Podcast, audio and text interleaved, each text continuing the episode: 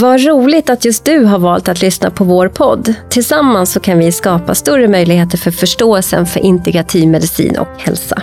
Är du intresserad av det så bli gärna medlem i vår förening och en del av vårt nätverk. Mer information om det här kommer i slutet av avsnittet. Vi spelar in på psykoterapimottagningen Integrativ hälsa på Södermalm i Stockholm. Och vid min sida så har jag mannen med svart bälte i att göra positiva omformuleringar, poddens producent Fredrik Ankarsköld. Och min gäst idag är igen dietist Marina Olaj. Varmt välkommen! Tack så mycket.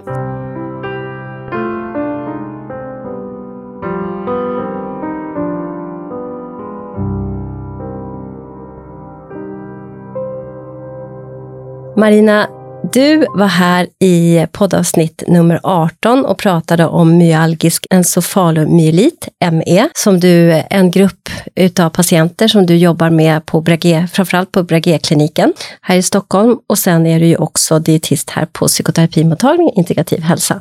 Mm. Och nu när det börjar närma sig jul och nyår och människor kanske istället för att liksom använda en ledig tid att göra livsstilsförändringar så brukar man släppa det, att göra livsstilsförändringar och tänka att nu så är det min tid att frossa och äta av julen och nyårs alla godsaker.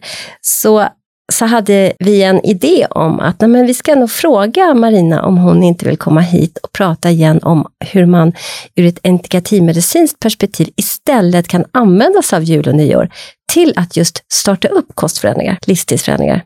Och så ställde jag frågan till dig Marina och du nappade direkt. Ja, vad kul, fick jag tillbaka. Så nu är du tillbaka. Ja, exakt. Ja, men jag kände det direkt när jag fick frågan att det här är jätteviktigt att prata om. För precis som du nämnde så är det ju väldigt många som under jul och nyår väljer att, att frångå eh, sina rutiner och sin, eh, sin bra hälsosamma livsstil för att eh, unna sig för att känna att eh, få äta de där godsakerna som man kanske har längtat efter efter en längre tid av att äta lite mer hälsosamt. Problemet är ju att det kan lätt bli lite för mycket av det goda. Och lite för länge. Och lite för Så länge. ska man återuppta det där som liksom börjar komma typ åt vårkanten igen.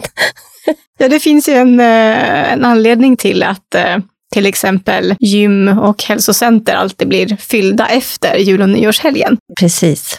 Ja, så min tanke var ju också så här att ja, men egentligen om man tittar på julbordet liksom, så innehåller ju julbordet väldigt mycket nyttiga saker också. Den innehåller liksom kött och fisk och grönkål och jag menar, det finns mycket som man liksom egentligen skulle kunna göra på ett annat sätt med för att faktiskt äta jättenyttigt. Alltså man behöver inte vara köttätare, man kan vara eh, vegetarian, man kan vara, välja bara fisk och skaldjur, man kan äta veganskt. Så att eh, jag tänkte liksom, the word is yours. Tack, ja men eh, exakt. Jag tycker du verkligen poängterar någonting viktigt här.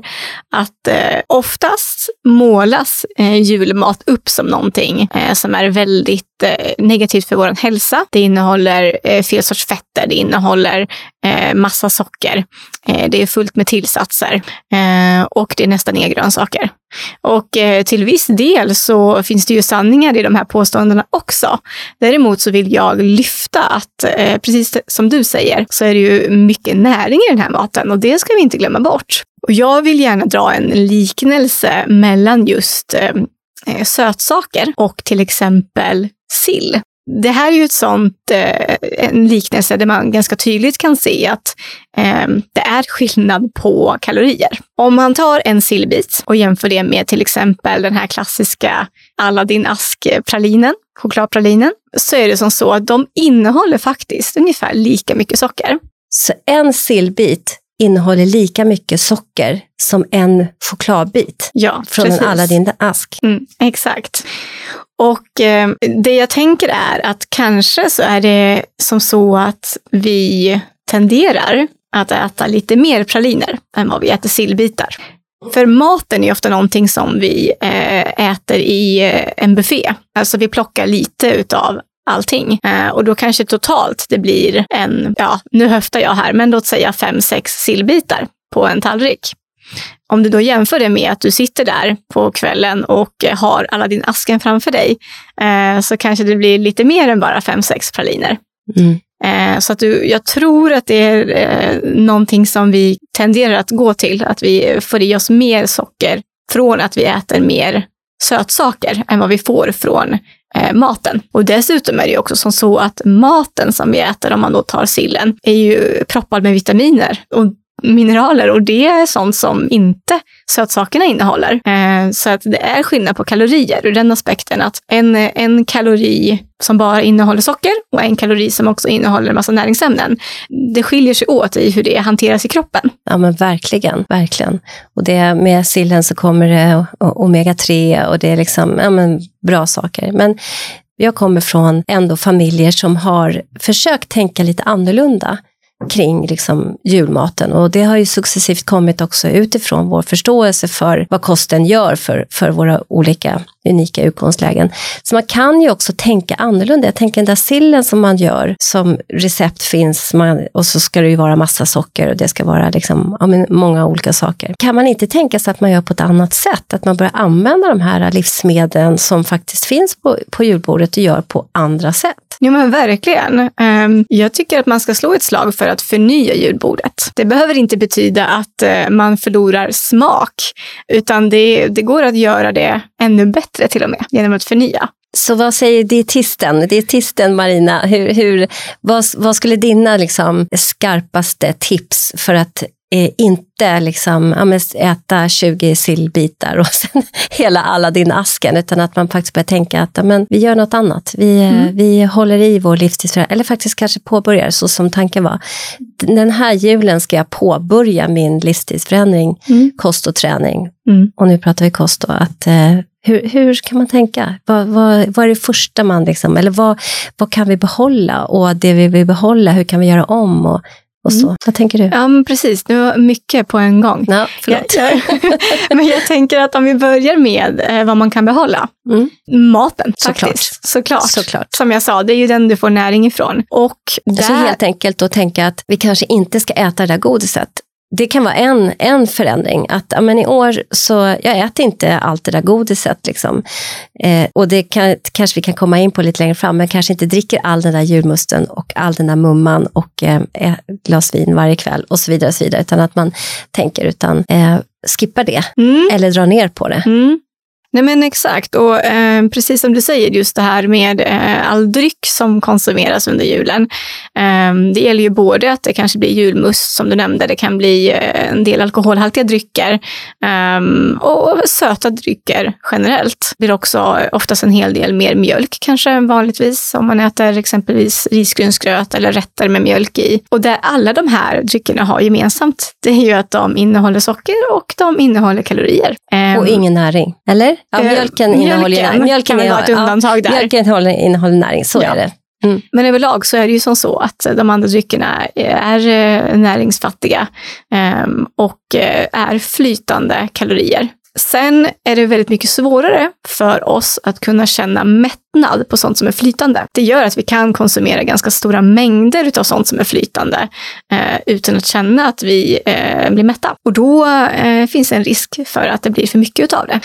Eh, så jag skulle vilja säga att är det någonting som är bra att göra en livstidsförändring kring som ett första steg, då är det faktiskt att, att ta bort flytande kalorier. Mm. Eller bara, minimera. Bara ta ja. lite grann liksom. Ja, det där är en eh, annan aspekt ur det. Mm. Eh, för att eh, man kan ju jobba på flera fronter. Eh, en del jobbar ju utifrån eh, konceptet jag går cold turkey. Jag eh, konsumerar ingenting av sånt som jag vet jag ska hålla mig ifrån. Och sen finns det de som tycker att det där går inte. Jag klarar inte att köra helt strikt. Jag behöver ha lite, lite utrymme för att kunna få äta det här som jag tycker om eller dricka det jag tycker om. Och då får jag istället jobba på medelmåttighet och liksom hitta den balansen i att det inte får bli för mycket. Och det är ju det är två olika approacher och de kan funka bra båda två.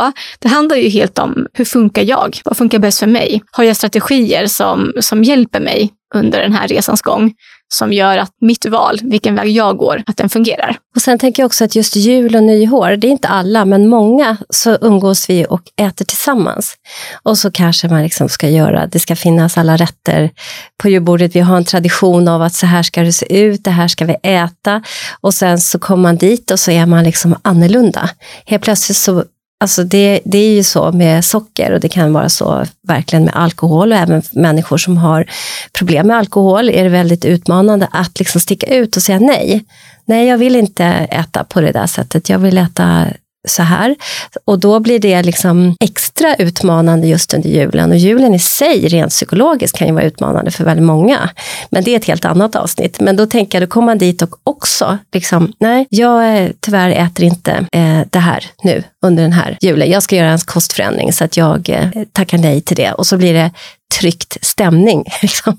Förstår du? Är du... Verkligen, mm. ja såklart. Det där, det där hör jag väldigt ofta i mötet med mina patienter. Mm. Uh, just uh, hur svårt det är att äta på ett visst sätt uh, när man träffar andra. Och kulturellt sett så har ju samhället inte riktigt anpassat sig till det som jag anser är lite mer hälsosam kost. Eh, utan vi är kvar lite grann i det här eh, gamla bondesamhället-tänket eh, kring att man ska kunna äta av allt, man ska få unna sig. Vi har i, i vår kultur i Sverige väldigt mycket högtider där vi symboliserar firande med att stoppa någonting i munnen.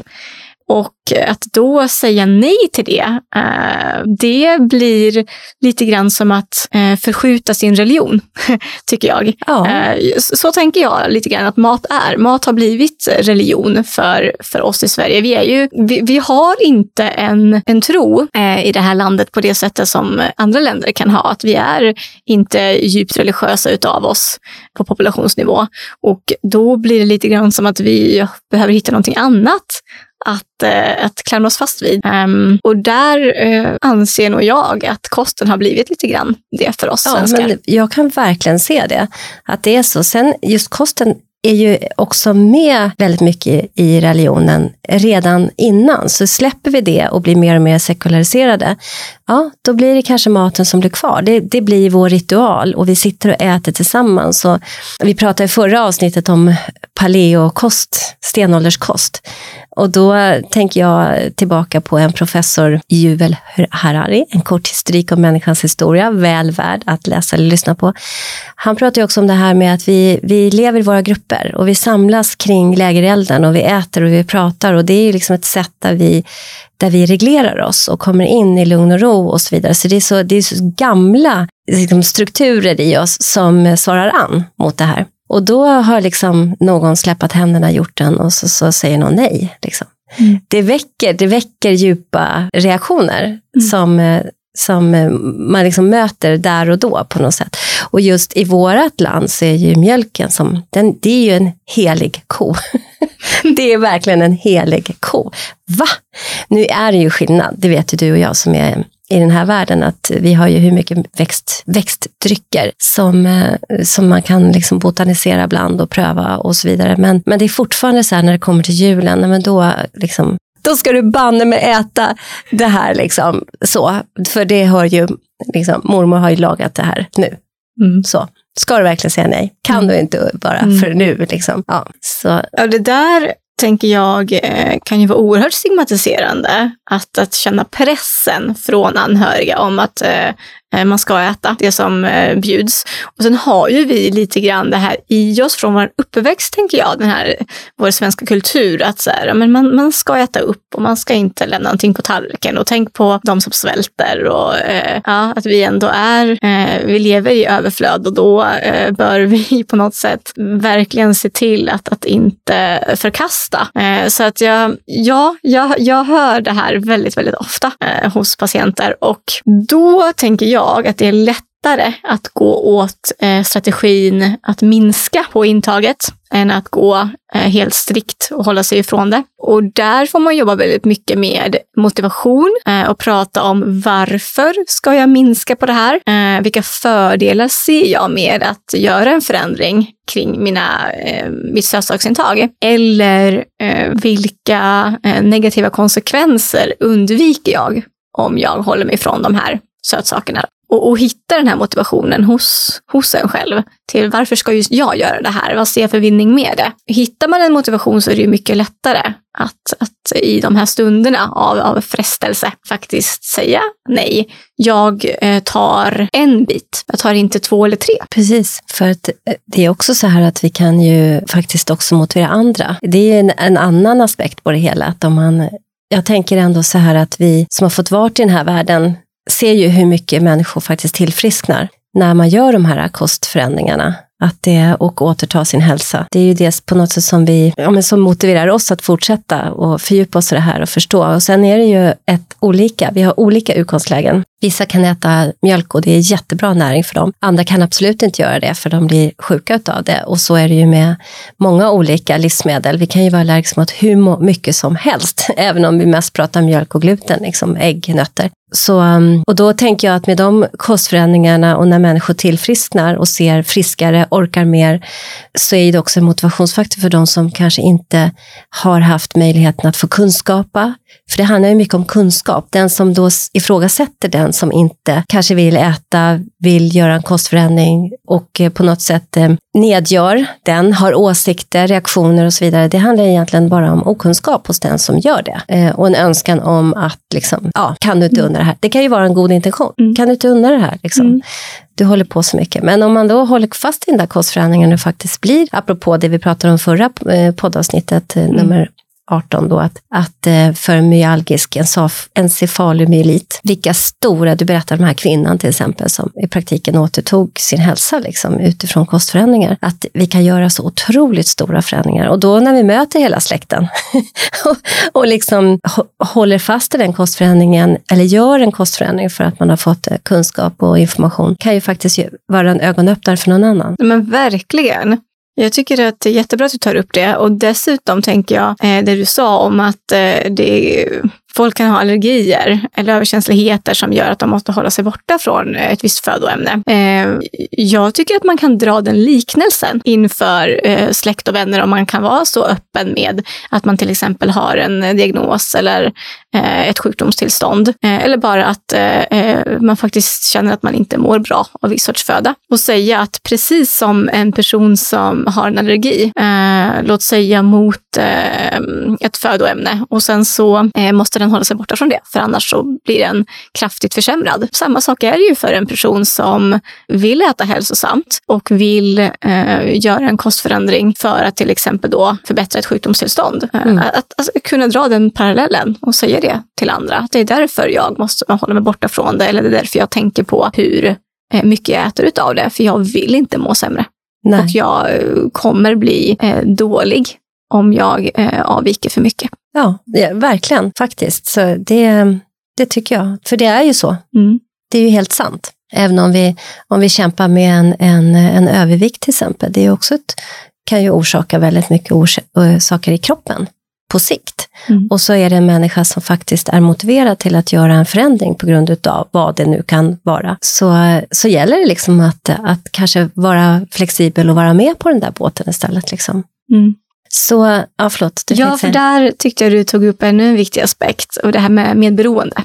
Ja, som jag eh, pratar mycket om eh, med mina patienter också. Um, att det kan kännas väldigt ensamt att gå igenom en livsstilsförändring och en kostförändring när andra i familjen eller släkten inte är med på tåget. Och det blir ju inte lättare då om, om till exempel en partner eller familjemedlem eh, ändå insisterar med att fortsätta med sina kostvanor och eh, totalvägrar göra en förändring själv. Eh, och då blir det ju att den här partnern eller, eller familjemedlemmen kanske sitter bredvid den här personen som försöker göra en, en insats för sin hälsa. Och ja, helt enkelt frestar. Mm, precis. Och det eh, tycker jag är en väldigt bra diskussion att ta eh, kring eh, vad, är, vad är familjen och partnern villiga att göra för att den här personen ska må bra. Jag tycker det finns så himla mycket psykologi i det där, för att vi människor, apropå Juvel Harari som jag hänvisade till, vi människor är egentligen skapta för förändring. Vi, vi ska liksom inte, vi, vi ska se nya saker, vi ska prova nya, äta nya, möta nya människor och så vidare. Då mår väldigt mycket många system i vår kropp bra, framförallt hjärnan. Att vi, liksom blir, vi planerar och vi, vi ser framåt och då får vi liksom ett dopaminpåslag. Ja, men det finns mycket man kan, liksom, bara förnämna någonting. Och, så att sitta fast i att nej, men vi äter alltid det här och vi gör alltid det här och vi är alltid på det här stället och vi så här gör vi. Ja, å ena sidan är det tryggt och bra och det kan ju få vara så också. Men vi mår bra av att pröva nytt. Vi mår bra av att testa och liksom tänja lite på gränserna och så vidare. Det, det är ingen som mår dåligt utav det om vi håller oss till liksom positiva främjande saker för, för vår kropp och knopp. Jag håller verkligen med. Eh, jag får ju kommentarer ibland eh, från patienter efter att man har haft ett första samtal och introducerat dem till eh, till exempel Palio. Att man sitter och går igenom vad det innebär och att det, det kommer vara lite mäckigt och, och det blir ett förändringsarbete som ligger framför. Samtidigt som vi pratar om vilka eventuella vinster som, som det kan ge. Och då ser man ju ibland hur det liksom kan lysa till i ögonen på patienterna av att, att de får en inspiration. Och de också säger att det här känns kul, vad roligt, mm. prova någonting nytt. Så absolut tror jag på det du, det du pratar om nu, att, att eh, vi, eh, vi är skapta för förändring och att vi mår bra utav det. Sen får ju inte förändringsarbetet vara så pass energikrävande att vi inte hinner med återhämtning. För då kan det ju bli en alltför stor belastning. Så det där är väldigt viktigt att hitta den, den balansen. Hur mycket förändring kan jag göra um, så att det inte blir övermäktigt? Och då utgå, utgå från det enskilda utgångsläget. Är man utmattad post-covid, myalgisk encefalomyelit till exempel och så vidare, och så vidare, ja men då kanske man inte går cold turkey in utan då kanske man gör den här stegvisa förändringen. Medan någon som har kanske utvecklat en tarmsjukdom eller någonting annat och inte är i samma utmattade tillstånd har möjlighet att bara, nej men liksom, så här det här gör jag nu för att se verkligen från ena dagen till den andra, hur kommer det här bli? Mm, och det är ju det som eh, gör att det är så bra att träffa en dietist. Precis. nu får jag slå ett litet slag för det här. Nej, men, eh, det jag gör när jag träffar patienter är ju att ta ett, ett djupgående samtal kring hur ser livssituationen ut? Och vad har vi för eventuella sjukdomstillstånd att ta hänsyn till eller ork eller familjesituation? Eh, så att vi verkligen kan skräddarsy den här förändringen. Vilken förändring kommer vara lagom för dig? Vilken nivå blir lagom? Um, så att uh, vi hittar en, uh, en mål, ett mål och det här målet ska vara nåbart. Väldigt viktigt så att inte målet sätts för högst och sen så når man inte upp till målet och då blir det en besvikelse som kan uh, skapa negativa tankemönster och göra så att motivationen börjar dala. Mm, just det. Och det, det är precis det här med att skaffa sig kunskap. Vi kan ju läsa till oss till jättemycket på nätet. Och ta, liksom, men just att gå och prata utifrån sitt eget utgångsläge tillsammans med någon som har kunskapen. Så det, det, det är ju verkligen så. Det var ju också vår tanke när vi bjöd in dig här, att just lyfta den aspekten. Att amen, eh, det finns väldigt stora vinster att just gå till en dietist eller en välutbildad näringsterapeut utifrån, där man, liksom, där man ja, kanske går och tar lite blodprover, har kontakt med läkare och så tillsammans med dietisten skräddarsy någonting som passar mig och mitt utgångsläge och tar det stegvis. Där man också får hjälp med att också bolla. Ja, men förändringsarbeten har ju en tendens till att vara två steg fram och ett steg bak. Och då behöver man den där kunniga människan som man känner förtroende för att göra den här resan ihop med. Och också särskilt om man har kanske ett system runt omkring sig, familj, arbetsplats, släkt eller vad det nu kan vara för någonting, som kanske också bjuder en på motstånd. Så, eller hur? Ja, men exakt. Verkligen. Um, och det måste jag säga tycker jag gör uh, min uh, yrkeskompetens uh, unik. för att det är, det är väldigt lätt idag att få information om kost överlag. Eh, men också generellt sett kring hälsa och vad, vad som anses vara bra och inte. Sen är det ju så många aspekter som inte vägs in i ett eventuellt kostråd som du läser på en eh, nätsida, blogg etc. Ehm, och det är ju därför dietister behövs. Ja, verkligen. Så, Så är att det. vi kan se helheten och, och skräddarsy. Mm. Mm. Och när, göra näringsberäkningar och så vidare. Och så vidare. så det, det är faktiskt verkligen så. Dietistens roll behöver lyftas. Ja, vi har försökt verkligen. lyfta den i många år och det börjar, ja. börjar nyanseras. Ja. Mm. ja, men faktiskt. vi fortsätter. Vi Ja. kommer ju ha flera samtal, det kan vi ju passa på att nämna. Vi kommer ju ha flera samtal där du kommer att gå igenom de olika dieterna också. Mm. Utifrån, ett, eh, utifrån din yrkeskompetens och, och hur man kan tänka och så vidare fram, framåt. Ja. Så, men om vi går tillbaka, jag tänker just paleo. Paleo och julbord, gifter sig inte det ganska bra? Jo, Ja. faktiskt. Eh, det gör det. Du nämnde lite tidigare, hur kan jag göra eh, för att få julbordet lite mer hälsosamt? Vad ska jag tänka på där? Det går att göra mycket saker själv. Det går att göra en egen inläggning med sill eller eh, lägga in egna grönsaker. Och där kan du ju justera Eh, hur mycket sötning man har. En del saker behöver knappt någon sötning alls. Man kanske satsar på mera salt istället. Det är ju också som så att vi vänjer oss vid en viss nivå utav sötsmak.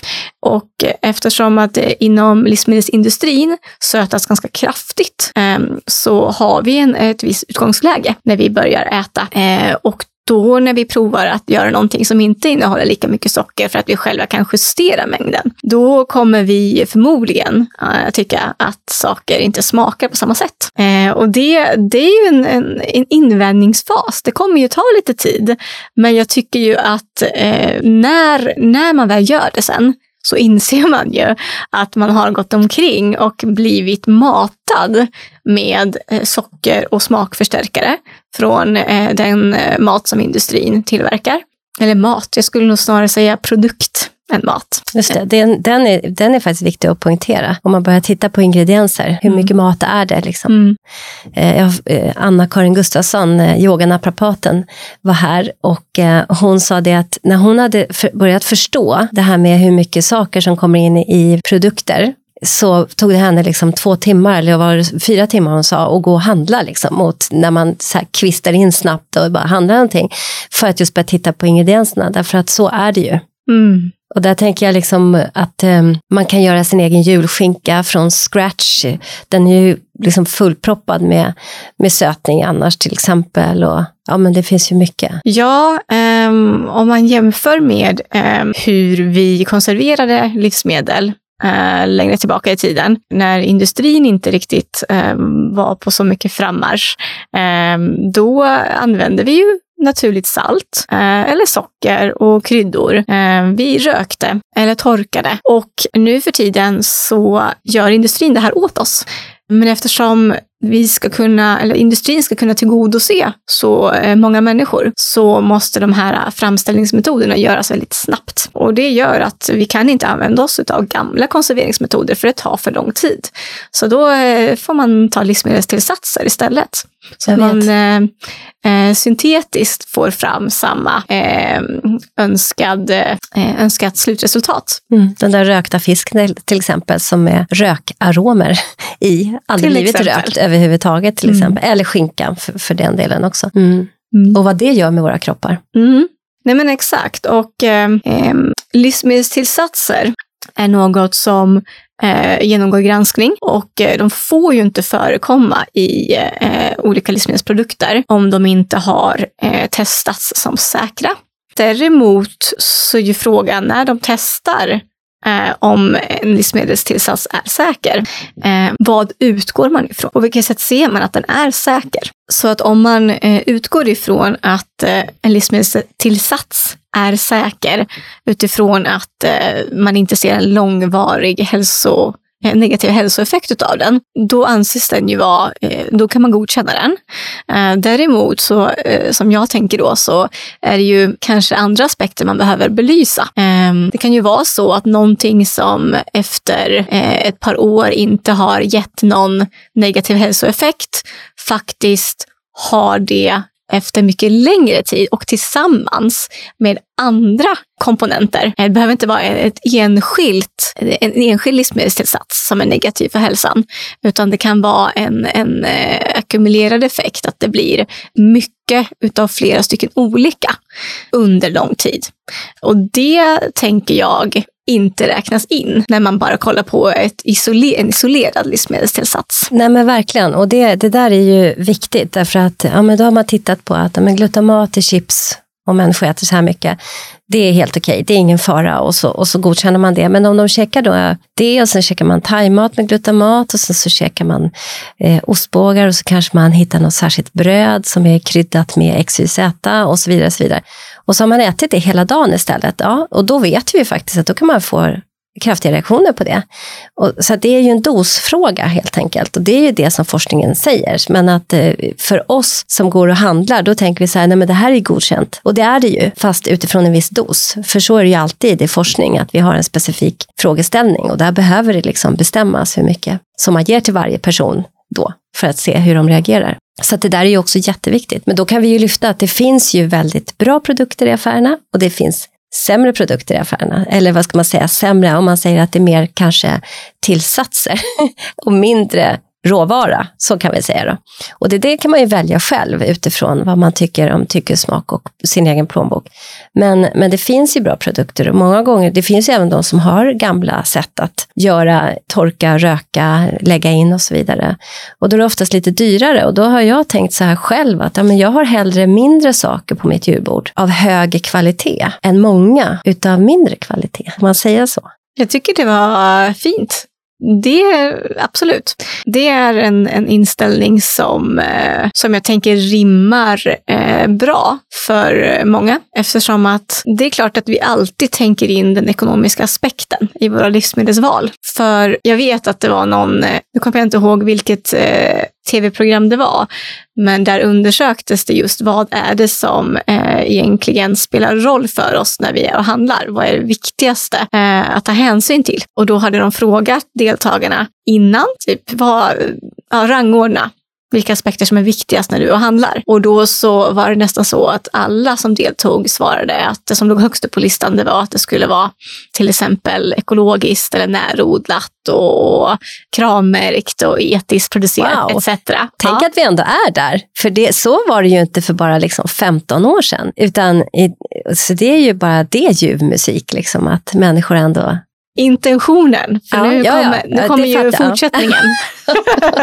för det man sen såg var ju att eh, när, de, när folk kom ut från butiken så eh, snappade ju de upp de här personerna och frågade liksom, ja, kan vi få kolla på eh, matkassen, vad du har handlat? Då såg det inte ut som de hade sagt att de skulle handla, utan det som faktiskt hade eh, störst effekt på livsmedelsvalet, det var ju den ekonomiska biten. Att i slutändan handlade det om att nästan alla prioriterade att välja sånt som var billigare. Och det är väl också kanske det som har gjort att industrins frammarsch har gått mot det. Att, att det liksom, ja men okej, och då behöver de eh, se över, liksom, hur kan vi framställa den här falukorven? Ja men falukorven som kostar si innehåller 80% kött och eh, sen så har vi någon för halva priset och den innehåller liksom 40% kött. Och där, där hamnar vi, för att det är ju så för många krasst att, att eh, vi ha, behöver ju också ta hänsyn till vår ekonomi mm. och få det att fungera. Mm. Men eh, jag tänker ändå så här genom, mina barn är nu 13, snart 16 och 17 år. Att, och då har jag varit i olika ramar eh, där, där kosten har haft eh, liksom väldigt, den har rangordnats högt. Och även människor som har väldigt, väldigt lite pengar fixar och trixar för att det ändå ska vara hög kvalitet på maten och då har det ju varit väldigt mycket i olika barnsammanhang och sådär.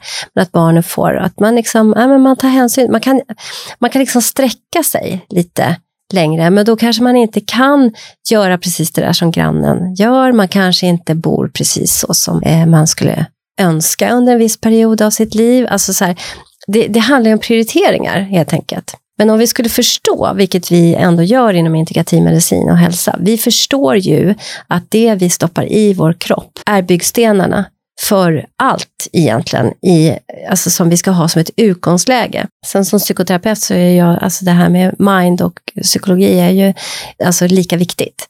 Eh, men, men vi måste ändå ha byggstenarna på plats för att kunna ha en kropp att verka ifrån. Liksom. Hjärnan måste ha det där fettet för att kunna liksom fungera på ett bra sätt till exempel. Mm. Men om vi går tillbaka till julbordet då, då, för jag tänker att våra lyssnare säkert vill så här, men ge oss tips, hur ska vi tänka? Så det första du sa, det är ju så här, antingen utesluta eller dra ner på sockret. Mm. Ja, det, det tänker jag är det viktigaste. Jag får ofta frågan, men om jag ska göra en förändring. Vilken är den viktigaste förändringen att göra? Vad, vad är det farligast, så att säga? Vad ska man verkligen se till att undvika helt? Och då vill jag återkoppla till det du sa om dos. Jag brukar säga att det är inte ett enskilt livsmedel per se, som, eller en enskild komponent i, i maten som eh, har eh, negativ effekt, utan det är ju eh, summan av kardemumman. Det är ju hur mycket det blir av olika eh, sådana här livsmedel som eh, kan ha en hälsoskadlig effekt. Och problemet med socker är som sagt inte sockret i sig, för det kan finnas andra komponenter i maten som eh, har eh, lika stark inflammatorisk effekt just bara per se, utan problemet handlar om att det är lätt att äta för mycket socker. Det blir för mycket av det goda ofta. Um, Särskilt om det är socker i sillen och socker i julskinkan och socker i ja, men, eh, risgrynsgröten och det är, socker, det är socker överallt. Och mm. sen, sen äter vi också eh, ris alla Malta och så käkar vi praliner och så, ja, mm. allt som hör julen till. Mm. Så, och så vill jag också lägga till att vi inte får glömma eh, alkoholen. Just det. Mm, för det är ju också faktiskt... Och sockret som finns i de dryckerna. Ja, och jag tänker också att alkohol behöver man ju veta att det är ju som att dricka socker. Ja, eh, det är ju olika sorters eh, alkoholhaltiga drycker som man får jämföra såklart. Men under julen så blir det lätt så att eh, man kanske dricker lite kraftigare öl. Eh, och den innehåller ju mer socker än en lättare öl. Och man kanske dricker eventuellt lite sötare vin.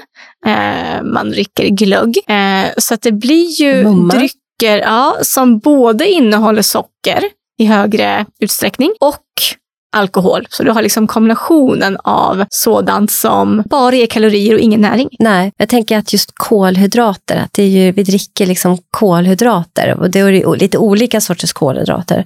Men det är ändå kolhydrater, det blir väldigt mycket kolhydrater. Det blir ju det och det, förlåt att jag ja. avbryter. Ja.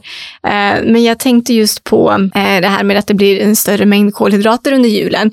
Eh, oftast så pratas det om att julmaten, som jag sa i början, är så mycket fett i och det är fel fetter och det är mycket salt och, och så. Jag tycker ju inte det, utan jag ser ju mer sockret, precis som du nämner, att där har vi liksom det som det blir mest utav egentligen. Och kan man göra mer mat själv så kan man ju minimera mängden socker det blir. Så dietistens, eller tips, dietist Marinas tips är att eh, dra ner eller undvik socker. Eh, se över hur mycket de här söta dryckerna allt från alkohol till julmust, hur mycket? Man dricker och att laga mycket mat själv från grunden där man kan liksom göra, ha en dosfråga, att man antingen hittar andra sätt, andra recept eller helt enkelt dra ner på. Står det två deciliter socker till den inlagda sillen liksom, så kan man ta en istället så att man eh, får ner mm. i mängd. För jag tänker en annan sak, jag sa förut att Paleo gifter sig ganska väl med julbordet, men jag tänker LCHF gifter sig också ganska väl med julbordet. Det kan det ju göra. Eh, framförallt om du gör julmaten själv. Eh, lite svårare om, det, om du köper det färdiga eftersom som sagt det finns mycket socker i julmaten. Eller mycket, men som du säger, det blir den totala mängden socker som blir lite för hög av eh, Eh, Eh, de eh, livsmedelsprodukter som är framtagna av industrin. Och det kan ju göra att en, en eh, LCHF, att det inte blir en riktig LCHF, utan att det är lätt att tänka att jag ska äta LCHF och så satsar man bara då på eh, sillen och skinkan och korven och köttbullarna och liksom det animaliska som tyvärr kan, kan innehålla eh, större mängder kolhydrater än vad man tänker. Mm, jag tänker att fettet, att, det, att julmaten kan också innehålla en hel del fett om man vill äta LCHF för, sin, för att man har valt det eller för sitt utgångsläge eller så, så, så tänker jag att eh, man kan få med ganska mycket fett i och, och kolhydrater. De har kolhydrater också, fast mindre. Liksom. Eller tänker jag fel? Eh, nej, såklart. Du får ju med fettet och det är väl det som gör att väldigt många tänker att, att det blir väldigt bra att äta eh, julmat utifrån LCHF. Och eh, som sagt, det kan det ju vara. Eh, däremot så är det viktigt att inte glömma bort att eh, kolhydraterna finns där också. Mm, jo, absolut, så är det. Och eh, ja, som du sa, palio, det gifter sig ju väldigt väl. För de som inte vet så är det ju som så att på palio så äter man ju inte spannmål och man äter inte heller mejeriprodukter. Och när de försvinner Eh, då på ett julbord, eh, då eh, får man ju hitta ersättningar. Alltså vad gör man då när man inte kan ha till exempel grädde för att göra Janssons frestelse? Eller att man inte kan använda osten. Ofta har ju julen är ju väldigt mycket dessertostar. Att, att då kan det ju vara bra att hitta lite spännande nya recept att prova. Till exempel få in, byta ut väldigt mycket av de här spannmålen och mejeriprodukterna till grönsaker och grönsaksbaserade rätter. Eh, paleo är ju i grund och botten en grönsaksbaserad kost. Det är det som mm. utgör stommen i paleo. Väldigt många tänker att ja, men det är stenålderskost och det då är det bara en massa animalier och, och sen kanske nötter lite nötter och, och frön. Och de förstår liksom inte riktigt skillnaden mellan det och LCHF. Vad är skillnaden? Ja, jag tycker den största skillnaden är just eh, att det blir väldigt mycket grönsaker i paleo, det är basen. Sen byggs det på med eh, animaliska proteiner och sen har man ju de viktiga fettsyrorna eh, och då är det ju fettsyror då som är naturliga. Så att då är det ju eh, kokosolja eller olivolja eller naturliga eh, fetter från djur, alltså talg och ister. Ehm, så att det största skillnaden blir ju också då att eftersom du inte har mejeriprodukter i eh, paleo så, och det är ganska mycket med, av det i så, LCHF? Precis, ja. så eh, blir det en ganska stor skillnad i hur mycket eh, fett det faktiskt blir som kroppen får i sig eh, på en LCHF versus en paleo. Eh, att mejeriprodukterna kan lätt sticka iväg i fett och paleo är ju inte en lågkolhydratkost eftersom den inte alls innehåller lika mycket fett energiprocentmässigt som en LCHF. Däremot så är det inte en, en kost som innehåller lika mycket eh, kolhydrater som en standardkost gör. Så att den är ändå lite lite mindre mängd kolhydrater i eftersom att spannmålen och mejeriprodukterna är ju eh, ganska rika på kolhydrater i alla fall. Eh, vissa mejeriprodukter är, eh, är mycket kolhydrater i. Mjölk till Mjölk, exempel. Till exempel. Mm. Och, eh, så det blir ju det blir en skillnad mellan mm. de här två kosterna. Att du får mindre kolhydrater på paleo men inte lika lite som på en LCHF. Och sen får du ju som sagt andra fetter i det på paleo än vad du får från LCHF. Men om man tänker så här, vad, vad, vad har vi för olika dieter så här, överlag som man pratar om? Man pratar om paleo, LCHF, AIP som vi var inne på förra, vilket jag också har prövat sedan du var här senast. jag mår ju jättebra på paleo själv, men, eh, och det var ju inte så lätt. Nej. jag, jag tänker att jag ska kanske börja med det nu under jul och nyår. ja. kan, kan man göra det? Kan man, kan man äta en AIP-diet eh, på julbordet? Mm, det tänker jag absolut. Som sagt, grönsaksbas, jätteviktigt. Och sen är det ju alla eh, animaliska proteiner. Och så får man byta ut då det mesta, eh, som om jag ska göra en Jansson till exempel, då får det bli med kokos, kokosolja eller kokosmjölk. Kokosgrädde. Kokosgrädde. Eller kokosmjölk. Mm. Ja. Hur smakar det? Har du provat? Jag har provat. Är det gott? Ja. Ett litet knep för de som eh, har börjat testa och laga lite mer paleo och eh, vill använda kokosmjölk eller kokosgrädde som substitut för till exempel crème fraîche och, och grädde är ju att ha syra i maten. På vilket sätt? Pressa lite citron till exempel. Aha, okay. För det tar bort en hel del av eh, den här typiska kokossmaken. Mm, det ska så man kan dölja själv. det lite grann. Sen ah. går det inte att sticka under stol med att, att det är... Um, man behöver börja gilla ja, kokos helt enkelt. Jag kokos. kör kokoslatte, det börjar komma lite överallt. Eh, och jag, jag har gjort en grej till att jag dricker min kokoslatte där nära där jag yogar på lördag morgon. Den är helt magisk. Den är inte lika lätt att göra själv hemma. lika magisk, om man säger så. så det, den, den är jag intresserad av. Men man, det är ett sätt att börja liksom göra den här kostförändringen. För att jag känner igen, själv började jag med kostförändring för, ja men vi säger fem, jag har hållit på egentligen från och till hela livet, men framför allt sedan 15 år tillbaka. Och då var det sådär verkligen att när jag provade att dricka vissa växtdrycker så tänkte jag så här, jag ska inte svära, men alltså herregud, det var inte gott. det var skitäckligt tyckte jag då. Men idag när jag dricker det så är det njutbart. Den där mandelmjölken som jag verkligen inte tyckte om, för jag älskade ju mjölk, men jag tålde inte mjölk. Men jag älskade mjölk. Men nu älskar jag inte mjölk längre, om jag provar det. Jag tycker inte ens att det är gott, medan mandelmjölken längtar jag till. Mm. Så det där är verkligen en vanesak, att ta sig från det ena till det andra. Jag åt frukost med en, med en vän eh, som är, är, på andra sidan skalan kan man väl säga vad det gäller mina kostförändringar.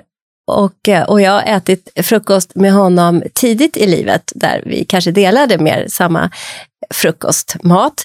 Den var väldigt intressant att stå och titta, för jag bjöd ju honom då på mina livsmedel. som han inte ville fortsätta äta kan jag säga. Han valde sina sen. Och just den reaktionen. Alltså, och då tänkte jag så här, men så där var det för mig också när jag började. Jag tyckte som han, men det gör jag inte längre. Det kan vara värt att, att faktiskt lyfta det. Att även om man tycker så här, oh, hur ska jag kunna liksom göra det här?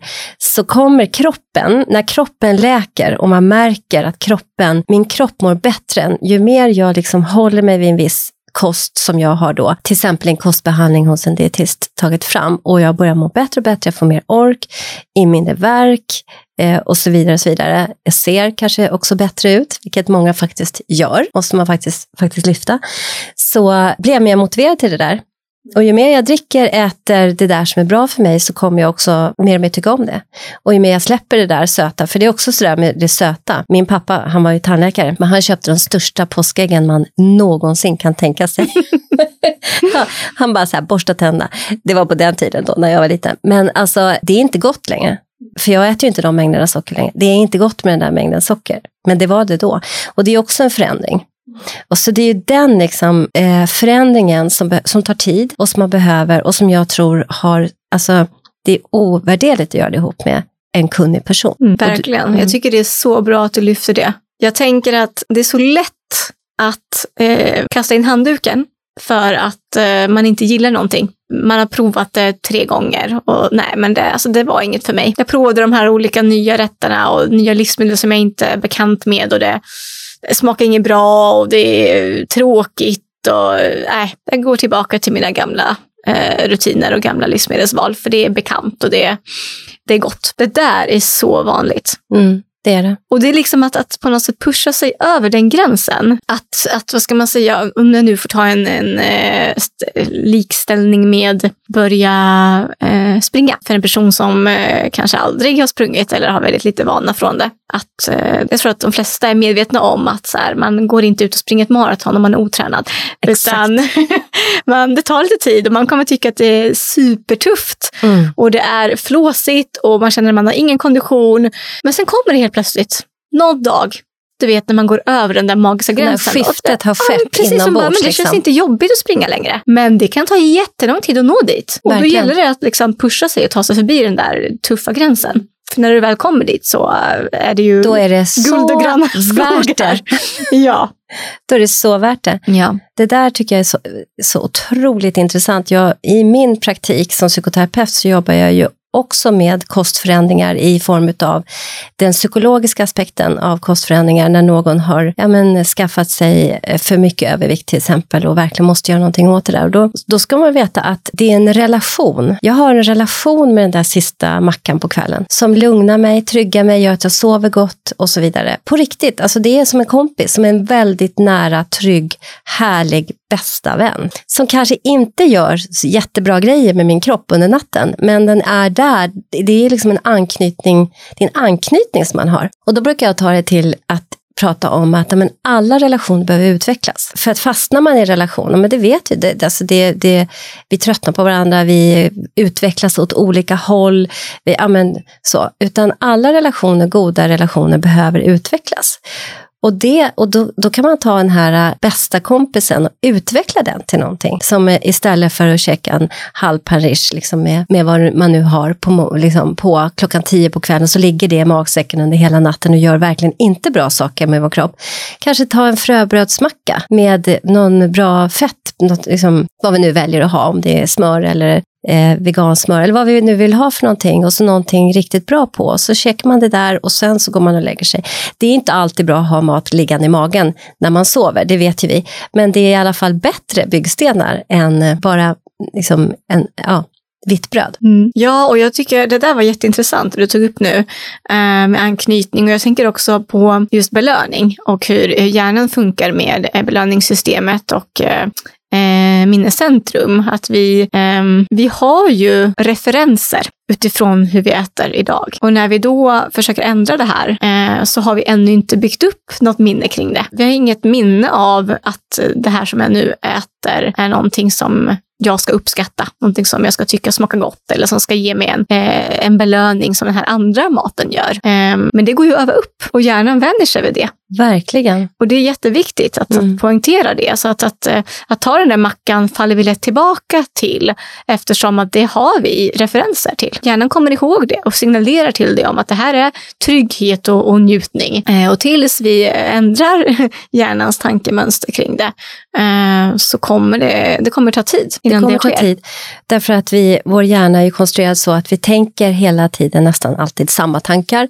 Vi har våra referensramar, vi har erfarenheter erfarenheter och så vidare. Och så tänker vi oss in i samma situation och samma situation och samma situation och sen så blir vi superuttråkade på sikt. Utan där behöver vi liksom göra på ett annat sätt och det är därför också kris och utvecklingsteorin fungerar så bra. Därför att i kris, då, tänk, då kan vi inte längre tänka det vi har tänkt hela tiden. Hamnar vi i ett utgångsläge, för det behöver inte bara vara övervikt, som jag har lyft nu, att, utan det kan också vara undervikt. Att vi äter på ett sätt som kroppen får verkligen inte näring, den näring den behöver eller inte äter alls och så vidare. Att det handlar, men det handlar om en relation genom maten till mig själv och hur jag kan utveckla det för att liksom göra bra saker för mig själv. Och då när vi kommer till ett utgångsläge där vi kanske blir, har blivit sjuka, riskerar att bli sjuka, eller ja, men varför inte en pandemi till exempel, när vi inte kan gå och handla som vi har gjort förut till exempel. Ja, men någonting, en pattern interruption där vi liksom måste börja tänka på nya sätt. Då kan vi göra det. Då först kan vi göra det och då sen så gärna tillsammans eftersom vi människor vill göra tillsammans, gör bäst tillsammans,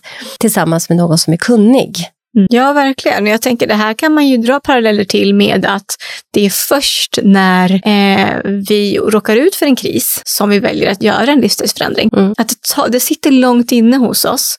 Och väldigt länge kan man ju gå med en, en viss vana för att Eh, det finns tankar om att det är enklast så, det kostar för mycket energi att göra en förändring kring det. Men sen kommer den här krisen och då blir det liksom eh, skarpt läge. Mm. Vi vill inte sticka ut, vi vill inte vara annorlunda, vi vill inte vara besvärliga, vi vill inte vara liksom XYZ och så kommer den här krisen. För att det kan ju vara, som jag sagt, övervikt, undervikt. Det kan också vara en tarmsjukdom.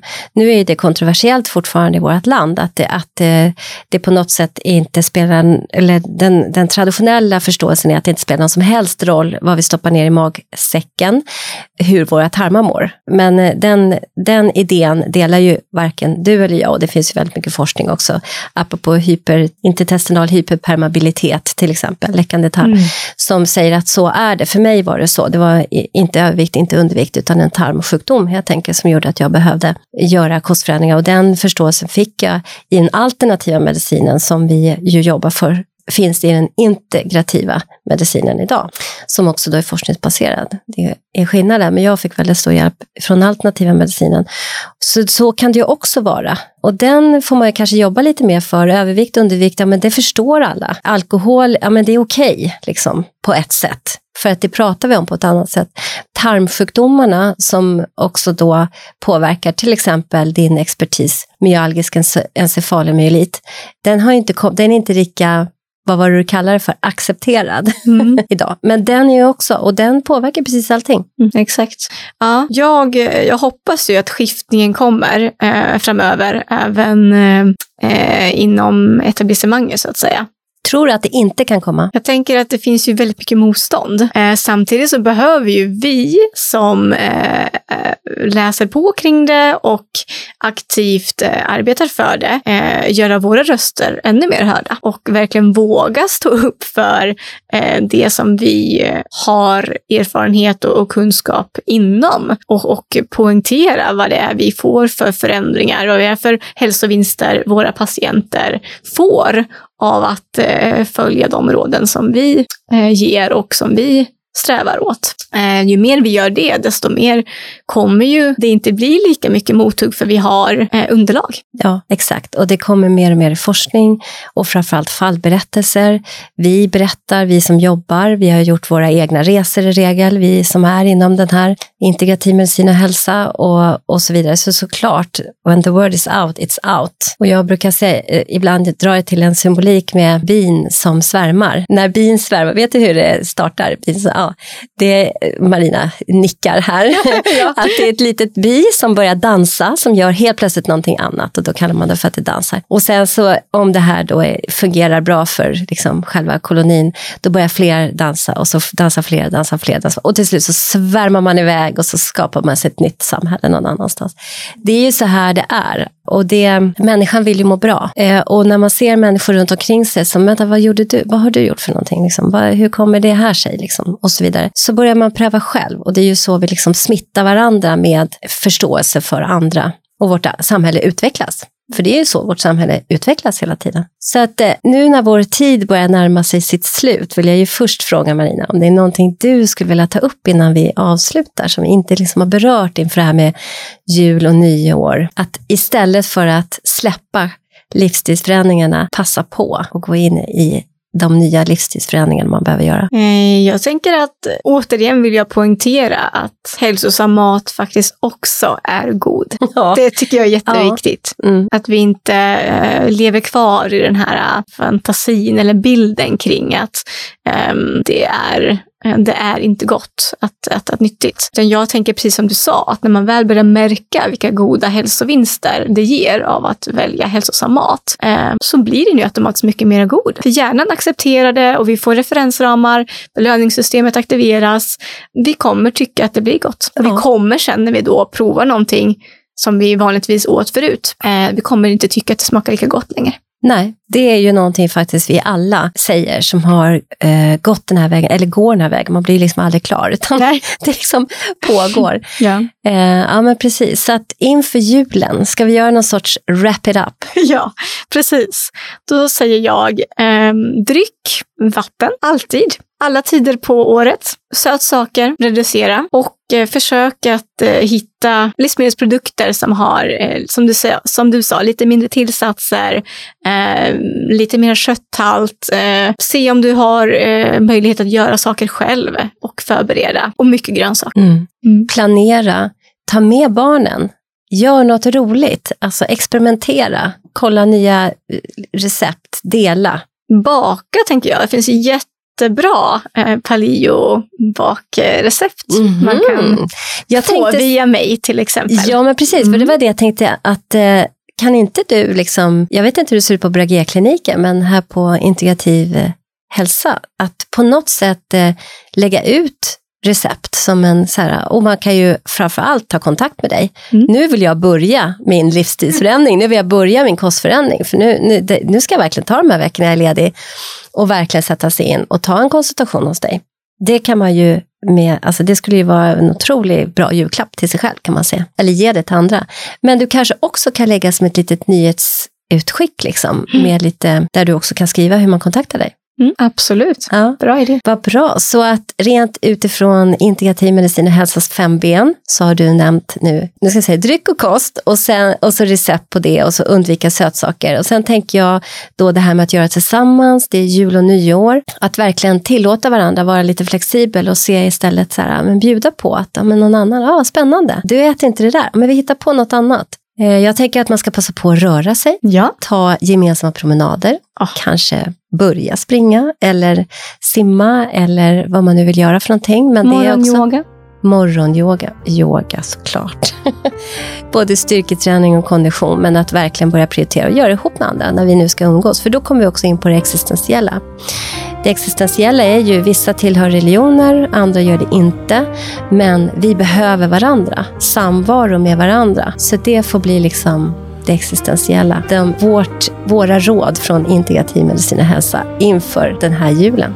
Ja, vad fint. Stort varmt tack Marina ja, för att du kom hit igen. Och vi ses ju på nästa, eh, på nästa år. Vi ses nästa år. Ja, det gör vi. Tack så jättemycket. tack.